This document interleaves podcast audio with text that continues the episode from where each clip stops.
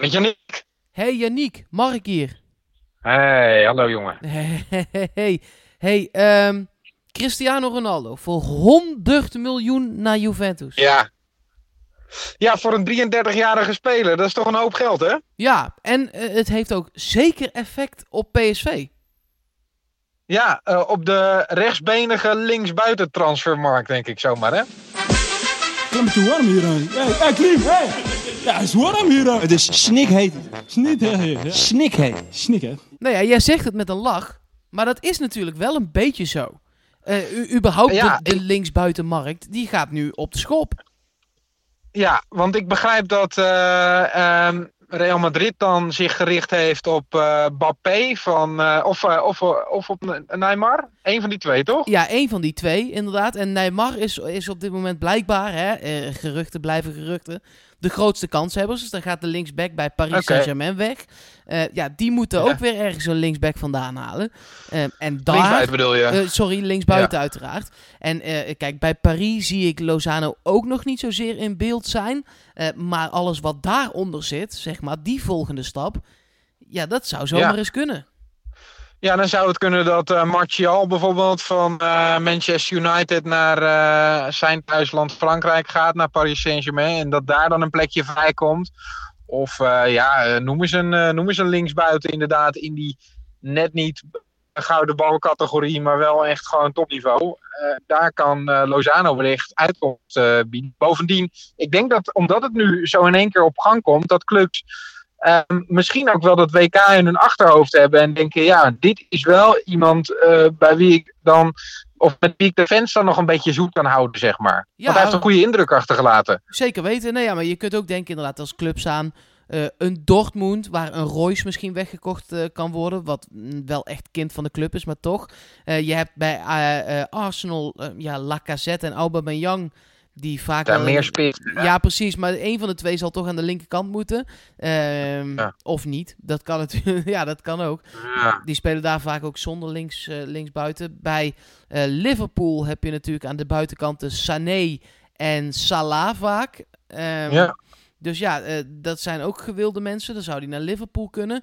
Dus da- dat spel dat komt daar echt wel op de wagen. It's on. Ja, ehm, ik, ik, ik, ik ben heel benieuwd. Hoe, eh, en, en ik denk dat dit op zich voor eh, wat je kunt vragen dan wel weer gunstig is. Ehm, want, Zeker. eh, als er 100, 100 miljoen wordt betaald, ja, het is niet de minste Ronaldo, laten we wel wezen.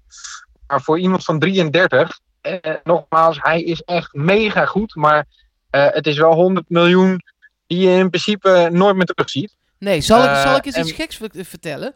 Ik, ik las Nou. het net, 100 miljoen naar Juventus. En ik dacht, valt wel mee.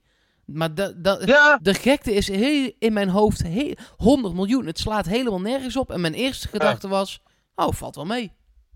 Nee, ja, ik zat het, zag het ook. En toen, eh, ik was er vrij eh, ehm, van onder de indruk. En toen vroeg eh, collega's van mij, joh, is het dan de duurste speler? Nou, dat is hij natuurlijk nog lang niet. Zelfs nog niet de helft Nee, van de duurste speler ooit. Nee. Neymar 222 miljoen. Dus ja, eh, ik, maar ik, ik vraag me dus heel erg af wat dit dan voor invloed heeft op het, op het bedrag van Lozano. Ik denk dat dit eh, wel eh, gunstig is. Want, want ja, 100 miljoen, het, het is gewoon wel een heel hoog bedrag voor iemand van 33. En bij Zeker. Lozano is een bedrag wel sowieso een investering natuurlijk. Waar je nog wel echt iets van gaat terugzien. Ja, en het is natuurlijk ook niet alleen de speler die je koopt. Het is ook de, de, de hype en de commercie. En de, Ja, dat Ja. koop je ook allemaal. hij staat in, eh, bij Ronaldo is dat natuurlijk wel eh, tot de macht eh 20. Maar ja, nee, absoluut. Ik, ik, ik ben daar benieuwd naar. Maar dat, dat nogmaals, dat, dat moeten we dan de komende weken maar weer gaan zien. Ja, ja nee, zeker weten. Ehm, dan het, het PSV-nieuws van, van vandaag maar. Want er is echt wel wat. Om maar te beginnen gewoon die eerste dag training op trainingskamp. Van Bommel is daar aangesloten. Ehm, ja, ik heb wat beelden gezien. Dat doelpuntje van, eh, van Ja. Luc de Jong gezien. Zo, zat er lekker in hè? Ja, achter het standbeen langs met een hakje heel rustig. Staat Ehm, op de Twitter van PSV. Ze hebben ook weer van die geweldige dronebeelden vanuit Verbier gemaakt. Dus eh, ja, ja, het ziet er weer gelikt uit allemaal. Ik kan niet wachten tot het seizoen begint. ik zag ook iemand van de social media afdeling van PSV tweeten. We hebben een nieuwe camera en dat gaan jullie weten ook. Dan staan een, een, een, een bult vette slow-mo's eh, daarop. Dat is, echt, eh, dat is echt goud. Dus eh, Ja, ja, dat is leuk om te volgen in deze dagen. En dan komen inderdaad Ja. dat soort doelpuntjes en zo. Eh, die komen er ook gewoon allemaal bij. En wat, voor, wat mij voornamelijk opviel. eh, in de analyses van eh, nou ja, Rick Elfrink en ook van het AD en Maarten Wijfels, die zijn daar. Van Bommel is meteen echt volle bak aanwezig. Veel meer dan Cocu ooit was. Ook omdat hij, daar hadden we het gisteren al even over, een nieuw systeem moet inslijpen. Maar überhaupt gewoon. Ja, nou, dat lijkt me ook heel goed. Eh, dan weten ze gelijk wie de baas is en, eh, en ja, tegen, met wie ze te maken hebben. Ik denk ook dat eh, Van Bommel dat ook wel in zijn karakter heeft. Dat hij er toch wel wat dichter en wat korter op zit. Dat hij niet met zich laat dollen. Dus het lijkt me goed dat hij dat vanaf het begin uitstraalt. Ja, en waar voornamelijk de nadruk op ligt, als ik zo alle filmpjes al voorbij zie komen, is omschakelen, dicht bij elkaar blijven.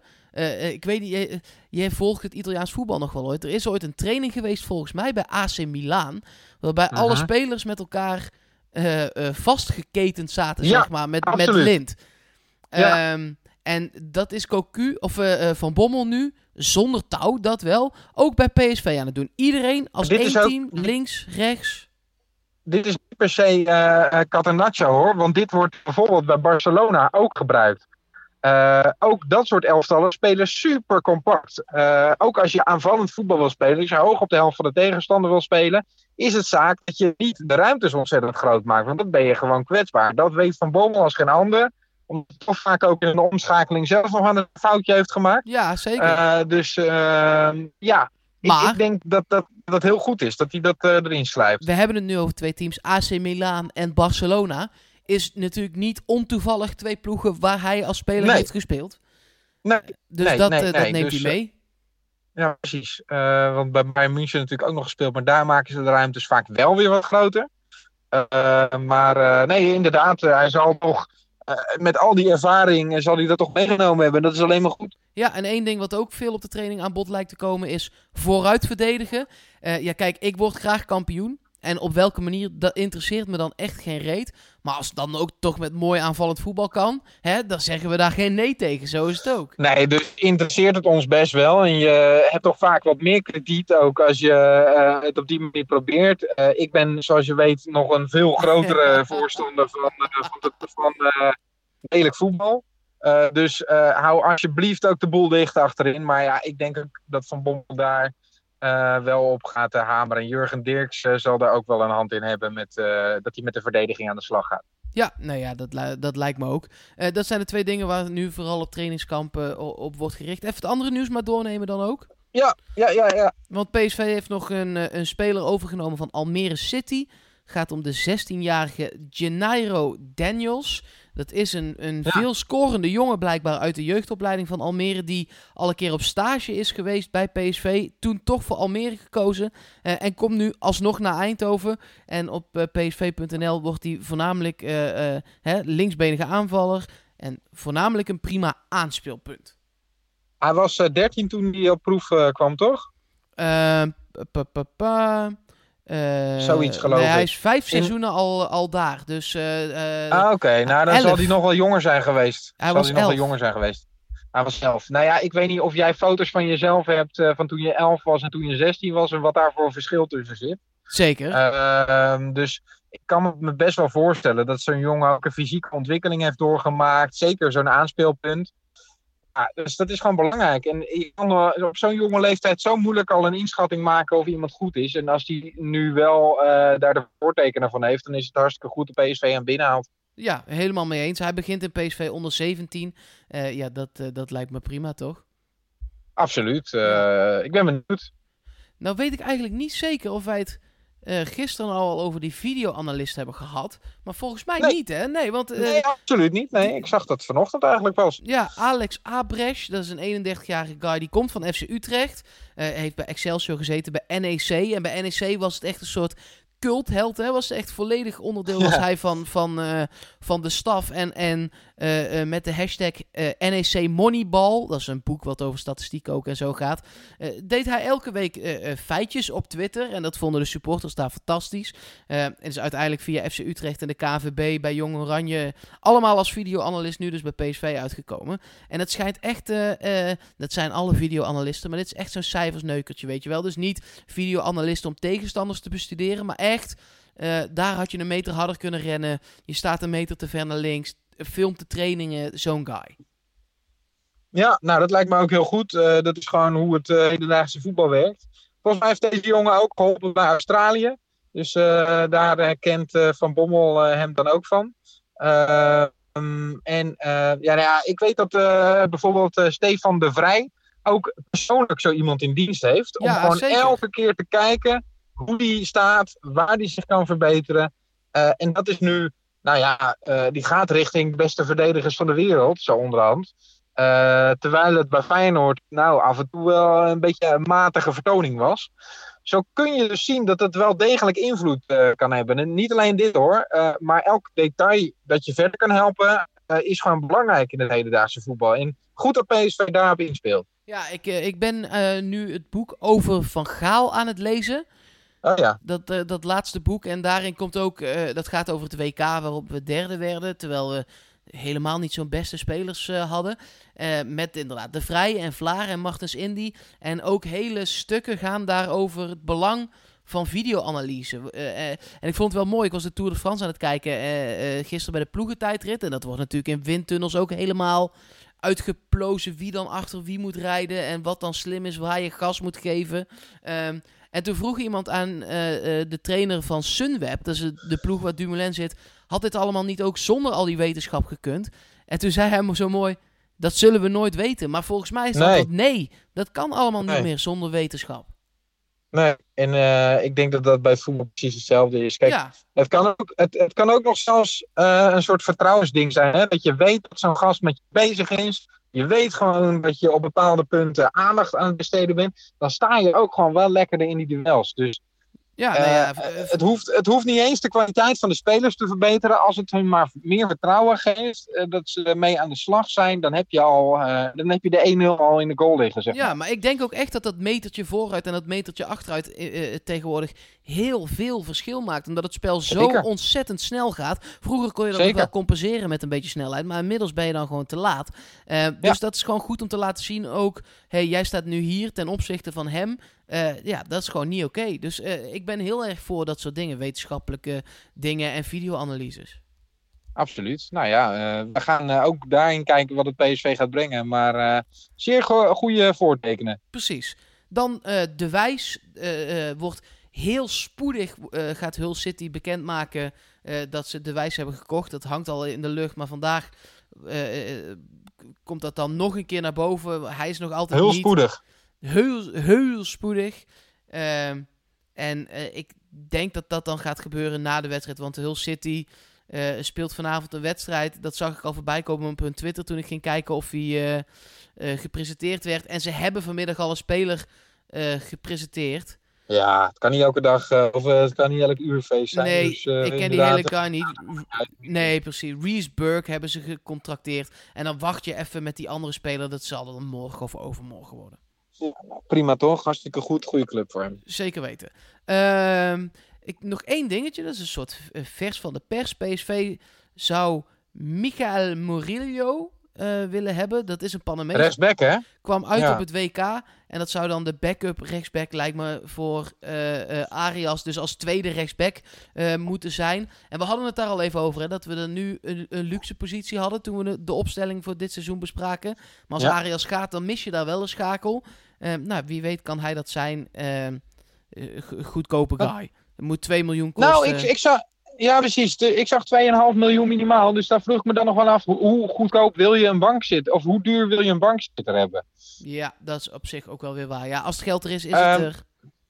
Nee, ja. eh, en, en met Arias ga je ook wel weer geld binnenkrijgen. Eh, de vraag is hoeveel PSV daarvoor mag investeren. Maar ja, ik vroeg me een beetje af. Hoe, hoe eh, duur mag een eh, bankzitter zijn? Aan de andere kant, hoe goed mag deze jongen zijn? En mag hij ook de concurrentie aangaan met Dumfries? Want dat kan natuurlijk ook nog wel interessant worden. Zeker Het is een international. Nee, is, ja, wel een international van Panama. Ja, dat is waar. Detail. Even eh, gewoon om maar wat details te noemen. Hij is 22. Hij is 1,83. Hij ehm, speelt nu in Amerika, in de Amerikaanse competitie bij de New York Red Bulls. Die kochten hem al eerder van eh, San Francisco. Toen verhuurden ze hem nog even terug. En is nu eigenlijk pas een halfjaartje daar onderweg. Die competitie eh, loopt daar ook eh, anders dan hier. Zeven wedstrijden gespeeld daar. één doelpunt. Ehm, ja, nog geen hele grootste dingen die je daar aan af kan leiden. Ehm, Maar wel een goede competitie.